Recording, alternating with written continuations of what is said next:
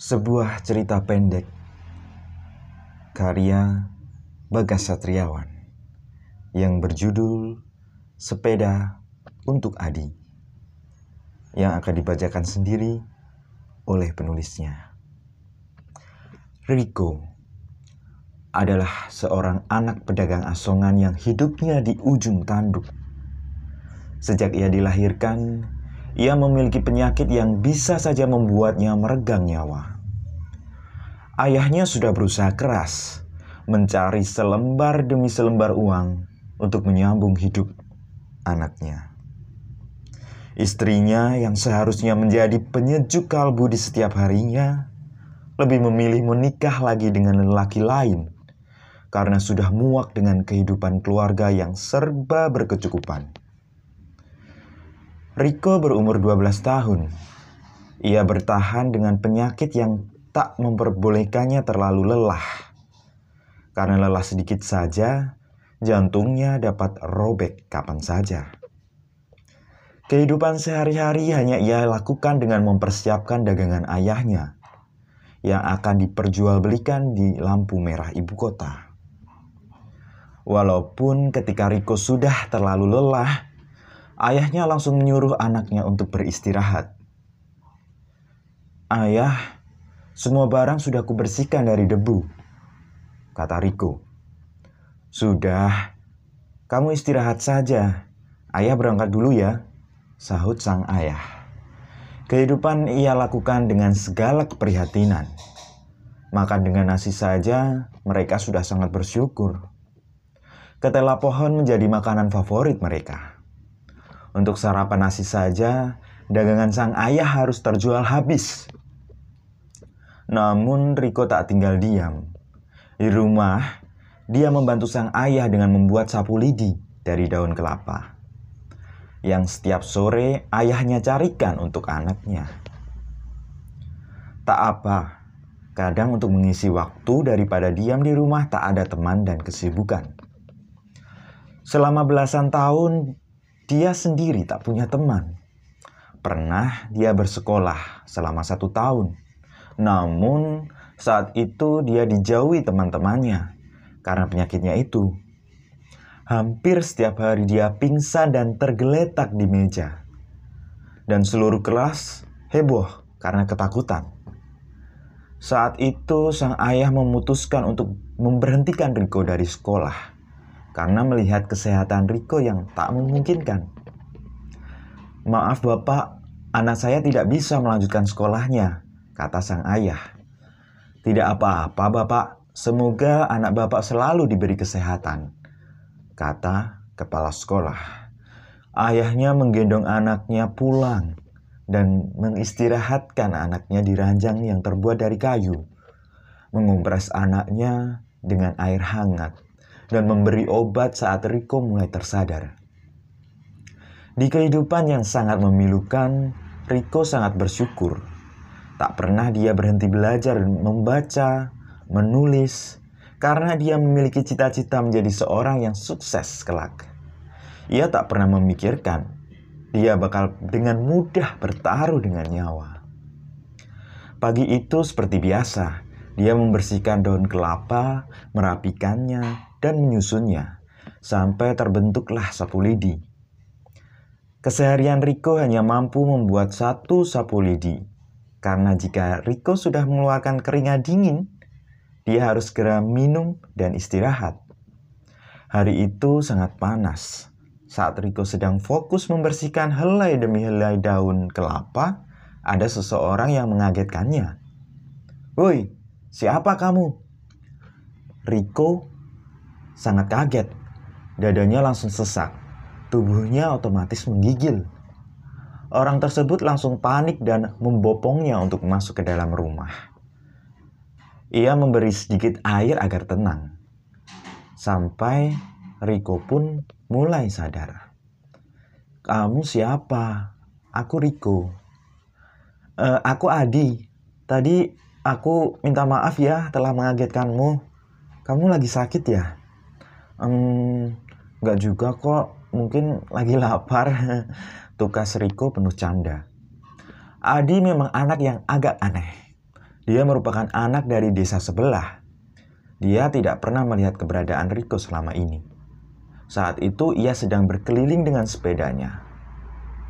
Dia sebenarnya anak yang introvert. Dia sangat senang sendiri karena di sekolahnya dia dicap sebagai anak yang menyebalkan. Terlihat sombong karena dia dilahirkan dari keluarga yang kaya raya. Bercerita panjang lebar membuat mereka semakin akrab. Hampir setiap hari Adi berkunjung ke rumah Riko untuk membantu Riko. Biasanya Riko hanya bisa membuat satu sapu lidi, tapi berkat bantuan Adi, mereka bisa membuat tiga sapu lidi. Mereka akhirnya menjual sapu lidinya ke pasar menggunakan sepeda milik Adi. Wah, pengen ya Adi punya sepeda kayak kamu. Bagus, kata Riko. Iya ini diberi ayah saat aku naik kelas. Sebenarnya Riko sudah kehabisan tenaga saat itu, ditambah terik matahari yang sangat membakar kulit. Ia saat itu pun tidak pernah menceritakan penyakit yang dideritanya kepada Adi. Hmm, lagi pula, Riko sangat bahagia mengenal Adi sampai-sampai kesehatannya semakin membaik. Riko dari mana? Tanya sang ayah.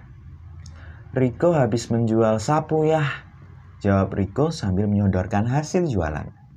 Sang ayah sangat khawatir dengan keadaan putranya.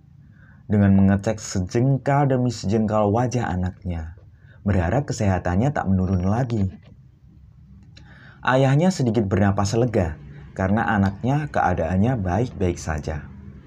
Sambil bercerita, Riko menceritakan bahwa dia mengenal Adi, seorang sahabat yang membantunya membuat sapu lidi dan menjualnya di pasar.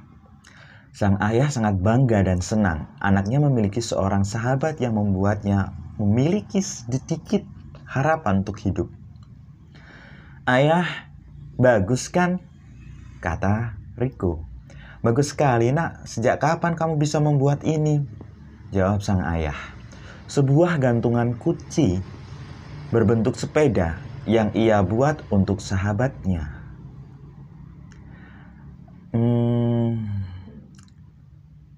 Riko juga bercerita hampir setiap hari Adi mengajak Riko bersepeda berkeliling kampung. Riko juga menyampaikan ke ayahnya kalau dia ingin memiliki sepeda gunung seperti Adi. Pagi itu, setelah sarapan, tiba-tiba Adi mengajak Riko bersepeda. Mumpung hari libur katanya. Tak lupa ia akan memberikan gantungan kunci buatannya untuk Adi. Mereka bersepeda mengelilingi hutan dan menuju danau buatan yang kecil di sebelah desa. Pemandangannya sangat indah dalam perjalanan, Riko memberikan gantungan kunci tersebut kepada Adi. Sontak, Adi kaget karena Riko bisa membuat imitasi sepeda dengan sangat mirip dari daun lidi yang muda. Bagus sekali Riko, terima kasih ya, kata Adi. Gampang kok buatnya, simpan ya sampai kapan pun, kata Riko. Di padang rumput pinggir danau, mereka bermain saling kejaran sambil menikmati mentari yang tak kunjung terang bersama burung-burung pipit yang terbang saat didekati. Sesekali Riko juga bersepeda berputar-putar menikmati pagi sejuk khas desa pegunungan. Namun tiba-tiba terdengar suara bruk. Riko terjatuh dari sepeda. Dari kejauhan, Adi sangat kaget dan menoleh kepada Riko. Kamu kenapa? Kamu sakit apa? Tanya Adi. Aku sakit parah di jawab Riko. Adi sangat kebingungan melihat keadaan Riko yang hidungnya mengeluarkan darah. Ia langsung bergegas mengambil sepeda dan menuju rumah Riko untuk meminta tolong kepada ayah Riko. Adi sangat kecapean, bercampur takut memberitahu keadaan anaknya kepada ayahnya.